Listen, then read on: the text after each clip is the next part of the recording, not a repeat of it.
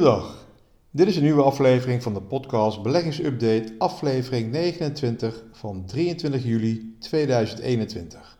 Mijn naam is Joost Boors. Zoals elke week een kort en actueel overzicht van de belangrijkste nieuwsitems over de beurs, beleggen en vermogensopbouw in het algemeen. Ook met praktijkcasus voor de particuliere belegger. Deze week onder andere bedrijfscijfers van ASML, Unilever, Netflix en Johnson Johnson. En uitleg van methodes om verliezen op de beurs te beperken. Nou, het sentiment van deze week was er een te vergelijken met een bergetappe in de Tour. Veel afdalingen en stijgingen.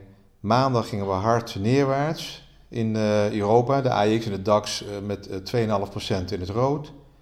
Een licht herstel dinsdag, maar daarna weer gewoon de rest van de week omhoog. Iedereen zoekt dan altijd naar verklaringen. Al bij de eerste daling wordt er zorgelijk gekeken naar nieuws. Nou, waarom dalen we eigenlijk? Dit vraagt men zich zelden af als het dagelijks stijgingen zijn. Nou, het is gezond om soms even wat rust te nemen, af te koelen en te consolideren. Koersen zijn gebaseerd grotendeels op de bedrijfscijfers en bedrijven kunnen ook niet dagelijks de omzet en winst met procentpunten laten stijgen. De meeste analisten komen met de redenen waarom we dalen er zijn toename Delta-variant en de vraag of we de top van de economische groei hebben bereikt.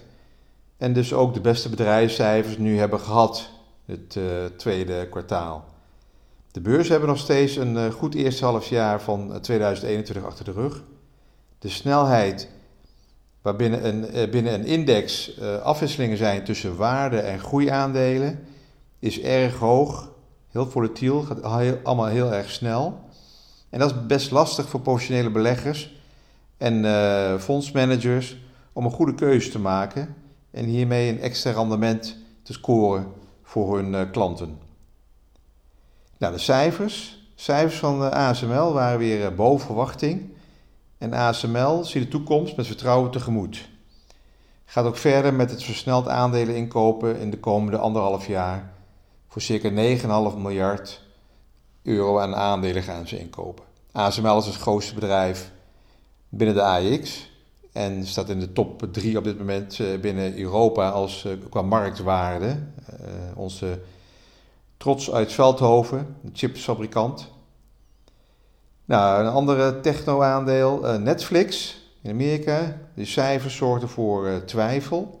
De groei aan nieuwe abonnees blijft wat achter en de winst per aandeel ook. Met achterblijven bedoel ik dan dat de verwachting van analisten, die hadden natuurlijk veel te hoog uh, ingeschat. Ze hebben wel groei, maar analisten hadden nog iets hogere groei verwacht. Netflix zit ook wel in dat de groei nieuwe kijkers niet altijd op het verhoogde niveau kan blijven. En nieuwe markten zullen moeten worden aangeboord. Daarom gaan ze nu ook naar de, de gamingmarkt kijken. En ze gaan waarschijnlijk die gamingmarkt toevoegen aan hun productaanbod. Dit is voor de lange termijn een goede keuze, want gaming blijft razend populair en is een hele grote markt. Nou, de pharma, groot, pharma- en consumentenproductenfabrikant Johnson Johnson kwam dinsdag met cijfers. Deze waren ook weer prima. Johnson Johnson kennen we in Nederland vanwege Janssen Pharma. Johnson Johnson is al sinds 1950 onderdeel van de Dow Jones-index en zit ook al heel lang in het mandje van dividendaandelen in Amerika. Uh, in Amerika noemen ze dit uh, soort aandelen die minimaal 25 jaar lang het dividend verhogen. De uh, dividendaristocraten. dividendaristocraten is een lijst van 65 namen in Amerika. En hier zitten dan ook andere bekende namen in, zoals Coca-Cola, McDonald's, IBM, Procter Gamble, Walmart en Caterpillar. Nou, donderdag kwam Unilever met cijfers. Deze vielen uh, tegen. Niet heel erg tegen, maar ja, als Unilever zegt de winstmarge wat uh, onder druk staat. Ja, dat willen beleggers niet uh, horen. De koers daalde bijna 5%. Er was wel omzetgroei, maar die winstmarge viel tegen. Oorzaken zijn natuurlijk die kostenstijging van grondstoffen. Maar een ander probleem voor Unilever is ook eigenaar van Ben Jerry ijs. En Ben Jerry gaat stoppen met het verkopen van ijs in bezette gebieden in Israël. En dit kan gevolgen hebben voor Unilever. Want Unilever gaat zich met politiek bemoeien en de Israëlische regering komt met tegenmaatregelen. Nou, deze week ging ook de raket van Amazon-oprichter Bezos de ruimte in. Nadat Virgin-oprichter Branson er een week eerder ook al de ruimte had bezocht. nu Tesla nog. En dan hebben we drie miljardairs die iets te zoeken hebben boven in de ruimte. Er was ook veel kritiek op het speeltje, wordt er gezegd, van een aantal miljardairs. Maar ik denk dat door deze drie zakenjongens wel degelijk in de verre toekomst nieuwe technologieën en toepassingen voor de gewone man, voor de gewone consument gemaakt gaan worden. Voor hier, in ieder geval hier op aarde en niet in de ruimte. Ja, een ander uh, nieuws is een beetje ontschoten. Er is een akkoord bereikt in de Club van de olieproducerende landen, de OPEC. Vanaf augustus worden tot eind 2022 dagelijks 400.000 vaten ruwe olie extra opgepompt. En net zolang totdat het tekort is verdwenen. Nou, het zal je dan ook niet verbazen, de olieprijs dus maandag of een procent laag staat en daarna wat verder gedaald is rond die 70 eh, dollar per vat. Maar was ook te zien aan de koersreactie van Shell op maandag. Die ging ook daar 2,5% op onderuit. En bleef de hele week een beetje zo matig voortkrabbelen. Nou, nou een stukje praktijk. Let your profit run and cut your losses. Your losses. Dit is een oude beurswijsheid, maar ik moet eerlijk bekennen dat het wel een lastige is. Van winst nemen is eh, niemand armer geworden, is ook een oude gezegde uit de Amsterdamse beurskringen. Verlies nemen is gewoon een moeilijk spel. je hebt genoeg voorbeelden van aandelen die na slecht nieuws eh, dalen en soms weer even een kort herstel hebben, maar daarna weer dalen. En de technische analyse, dat is een soort dalende trendkanaal. Je hebt een opwaarts trendkanaal, maar je hebt ook een dalende trendkanaal. De laatste is het Galapagos, uh, Shell en Egon zijn voorbeelden daarvan. Maar ook vroeger was het uh, Nokia. deze aandelen hebben fundamenteel een, tegenslag uh, te verwerken. En het kan uiteenlopende reden zijn, zoals een afkeuring van een medicijn, energietransitie of technologische wijzigingen. En, uh, of een, de lage rentestand hè, bij Egon onder andere. Dus productspecifieke, bedrijfsspecifieke redenen dat een aandeel in een dalende trend zit en niet door een eenmalige beurscorrectie van de totale markt. Wat is nu verstandig?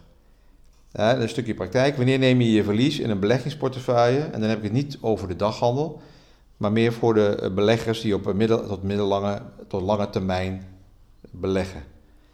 Nou, belangrijk is het onderscheid tussen een belegger die zelf een portefeuille opbouwt, bestaande uit individuele aandelen, uh, want als je het uh, uitbesteedt aan een vermogensbeheerder, dan zorgt die wel voor het uh, nemen van verlies en het verschuiven van aandelen. En aan de andere kant iemand met een portefeuille bestaande uit indextrekkers en beleggingsfondsen.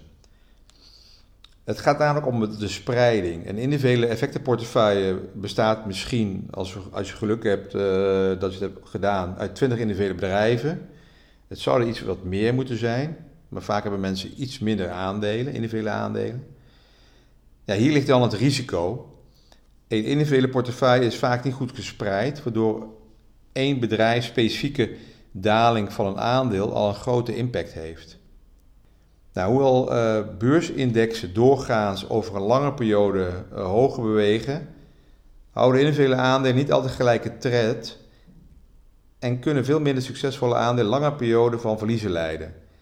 Kijk maar even terug hoe lang Egon al zo rond die 3 tot 5 euro uh, zit.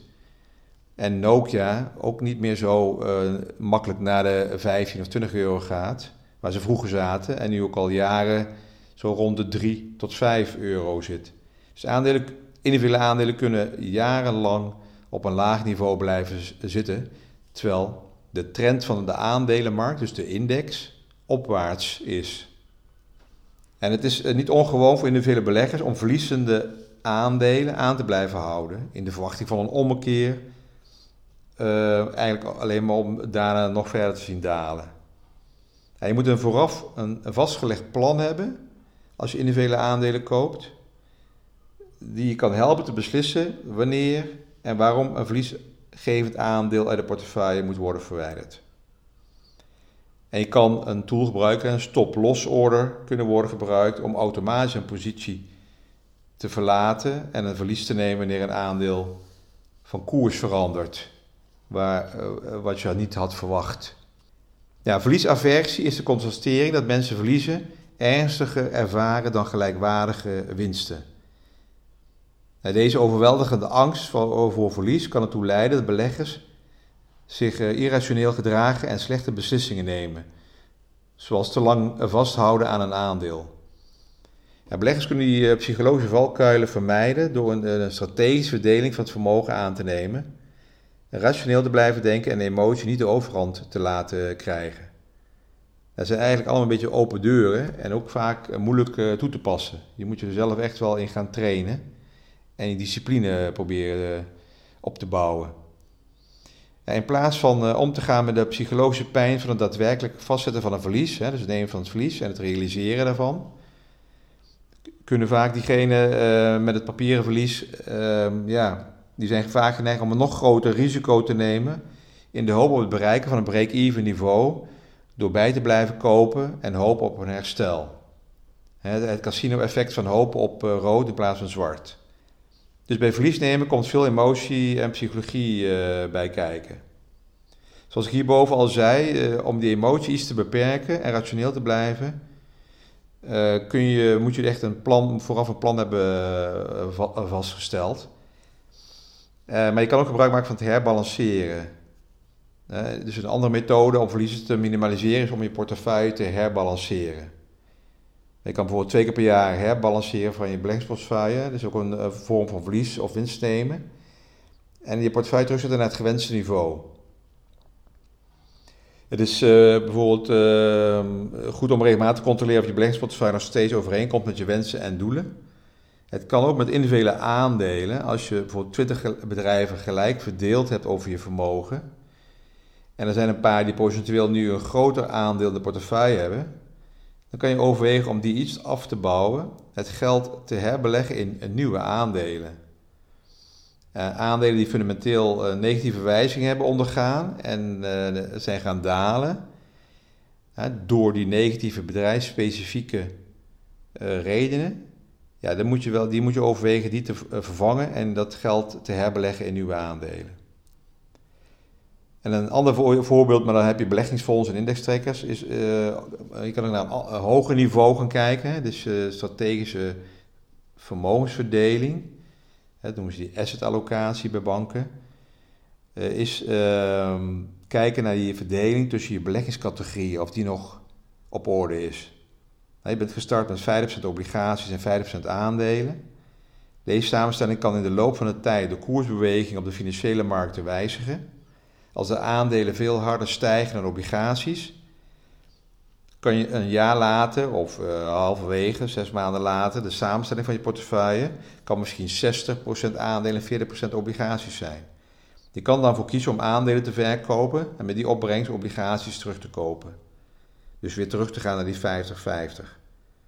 En als je aandelen juist veel harder zijn gedaald dan je obligaties, kan je die aandelenweging uh, weer wat gaan uh, ophogen. Vaak wordt er wel uh, gebruik gemaakt van technische analyse. Nou, dit is een moeilijke tool voor beginners. Maar hij wordt ja, steeds meer en meer toegepast hè, om koop- en verkoopsignalen en niveaus te kunnen herkennen en te gaan toepassen. Dus daalt een aandeel onder een, bepaald, eh, een bepaalde steunlijn, eh, dan wordt deze door die belegger verkocht. Nou, zo heb je allemaal verschillende uh, tools en regels die je kan toepassen om ja, toch je portefeuille elke keer weer goed kritisch te bekijken. Van welke aandelen zijn nou, hè, als je op individuele aandelen gekocht hebt, welke aandelen zijn dus nu door fundamentele bedrijfsspecifieke redenen en neem zo'n Galapagos die steeds weer met slecht nieuws komt, omdat de producten niet worden goedgekeurd. Die dan een, een, enorme daling laat zien. Op welk niveau, eh, bij het eerste moment al dat er fundamenteel wijzigingen zijn, die de winstgevendheid van zo'n bedrijf kan gaan aantasten, Daar zal je al kritisch moeten gaan kijken van, heb ik wel het aandeel voor de juiste reden nog in portefeuille? Zo niet, dan zou je daar winst uh, kunnen, of verlies kunnen gaan nemen en het aandeel ruilen naar een ander aandeel wat meer potentie heeft. Nou, dan kan je ook gebruik maken uh, van een stop-loss uh, order niveau. Valt een aandeel onder dat niveau, dan wordt die automatisch verkocht. En een ander gebruik is die technische analyse, die aankoop- en verkoopniveaus kan geven van individuele aandelen. Nou, zo moet je voor jezelf kijken wat, wat, wat past het beste bij jouw emotie en bij jouw risicoperceptie. Maar hier kan je echt dagen en uren over blijven praten. Maar ik ga het hierbij uh, laten. Dit was het weer voor deze week. dank voor het luisteren.